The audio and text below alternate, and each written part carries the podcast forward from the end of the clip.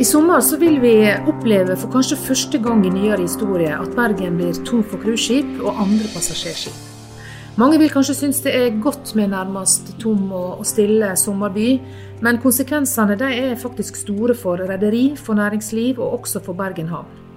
Du lytter til podkasten Havnekontoret. Mitt navn er Astrid Thomassen. Og med meg i studio, eller vi sitter jo ikke i studio, vi sitter på kontoret ditt, eh, det er Jonny Breivik, havnedirektør. Eh, hvordan eh, ser du for deg en sommer uten cruisepassasjerer og andre internasjonale passasjerer i Bergen?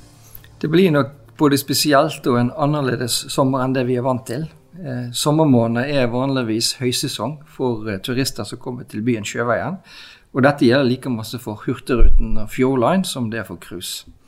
Og vi er vant til et yrende liv i Vågen, og i år så tror jeg det blir merkbart bortfall av internasjonale turister. Kan det bli tomt? Nei, det håper jeg ikke. Eh, nå eh, er det både regjering og andre oppfordrer jo til eh, at vi skal bruke ferielandet Norge sjøl. Eh, så jeg håper og tror at det vil komme mange eh, nordmenn og besøke den flotte byen vår. Nå eh, sitter vi jo på ditt kontor og ser rett ut på en av hurtigrutene som faktisk ligger her nå. Hvordan er situasjonen for cruise- og passasjertrafikken akkurat nå? Nå er det vel så stille som det kan bli. Det er jo kun hurtigbåtene som frakter passasjerer til og fra Bergen sentrum og til havnen. Eh, og sånn vil det være lenge. Eh, håpet må vel gjerne det at når restriksjonene oppheves, at eh, passasjerene tar i bruk disse skipene igjen.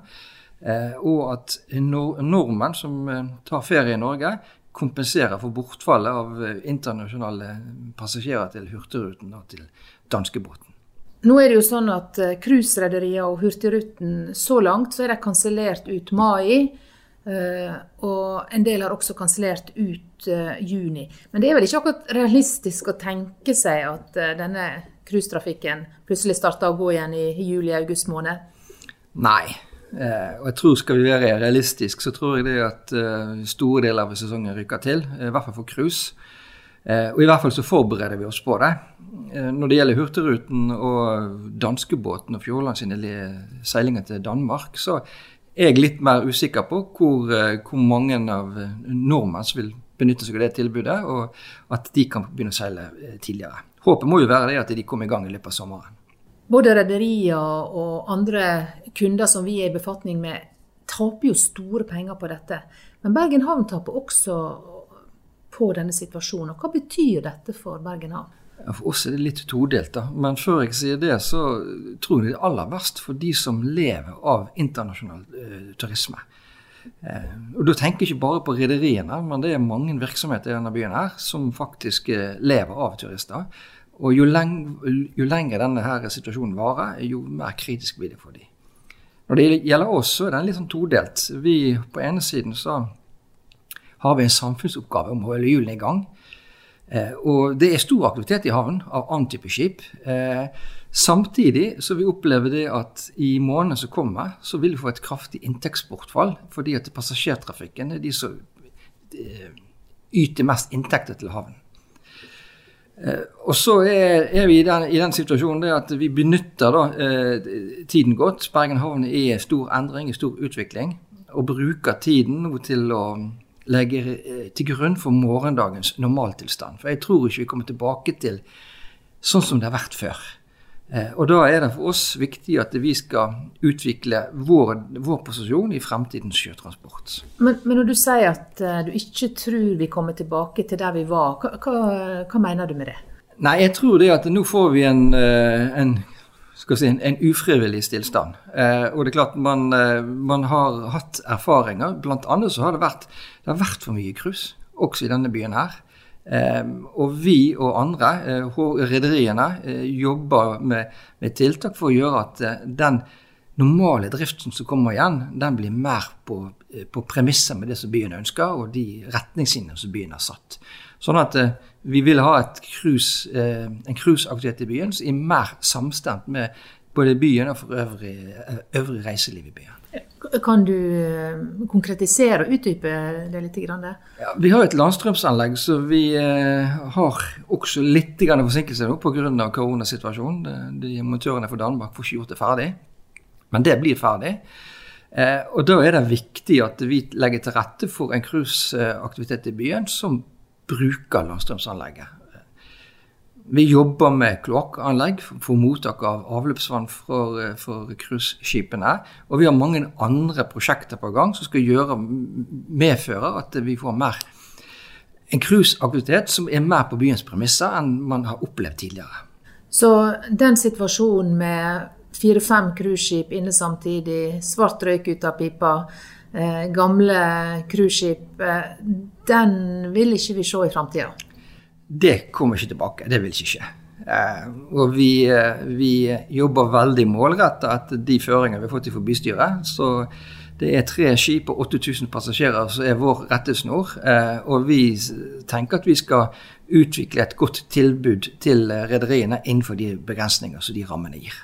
Nå, nå snakket du jo, eller du nevnte dette med landstrømanlegg for cruise. og før denne situasjonen oppsto, så ble det jo var det jo satt i gang et storstilt arbeid for å bygge Europas største landstrømanlegg til cruise.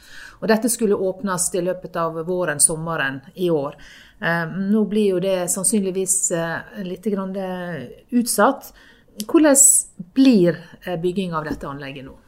Altså, vi var Før krisa, koronakrisa kom, så var vi i rute med, til åpning i mai.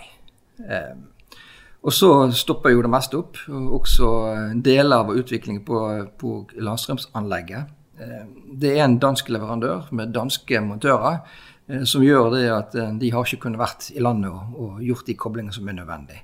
Og så er det noen komponenter som kommer fra Italia, som også er forsinka.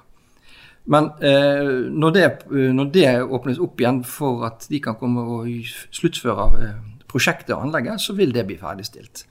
Vi prioriterer i første omgang nå å få et best mulig tilbud til annen type skip. Eh, I dag vi selger strøm som aldri før. Alle anleggene som vi har i byen er i 100% drift. Og med det nye landstrømsanlegget så vil vi også, før cruiseskipene kommer, tilby eh, også strøm til flere eh, offshoreskip bl.a. Så det vil vi prioritere. Men det er viktig for oss å ferdigstille anlegget, fordi at det anlegget blir veldig viktig i morgendagens cruiseaktivitet i Bergen. Nå er det jo uh, fullstendig stopp i cruisetrafikken, men annen type trafikk uh, er jo fremdeles ganske aktiv. Og det ligger jo ganske mange skip i Bergen havn. Um, hvordan er landstrømkapasiteten for de offshoreskipene som ligger her? Kapasiteten utnyttes fullt ut uh, hver eneste dag. Uh, vi har nok flere skip inn i dag enn en tilkoblingspunkt enn vi har, uh, pga. det at det er stor etterspørsel til kaiplass i Bergen akkurat i nuet. Men, men, det er gledelig å se at det er etterspørsel etter få komme til de, de plassene. Og vi, vi, er veldig bevisste på å legge skipene, de skipene som kan ta imot landstrøm, til de kaiene som har landstrømspunkt. Hvordan ser du for deg at 2021, eh, 2022 og, og framtida blir for cruiseturisme i Bergen? Vanskelig å si, men eh, vi skal iallfall gjøre vårt for at eh, cruiseaktiviteten i Bergen spiller mye mer på lag, er mye mer samspilt mellom byens ønsker og det øvrige reiselivet i byen. Det blir siste ord og konklusjon i denne samtalen. Takk til deg som hørte på. Følg oss videre, og husk å abonnere på podkasten i din podkast-app.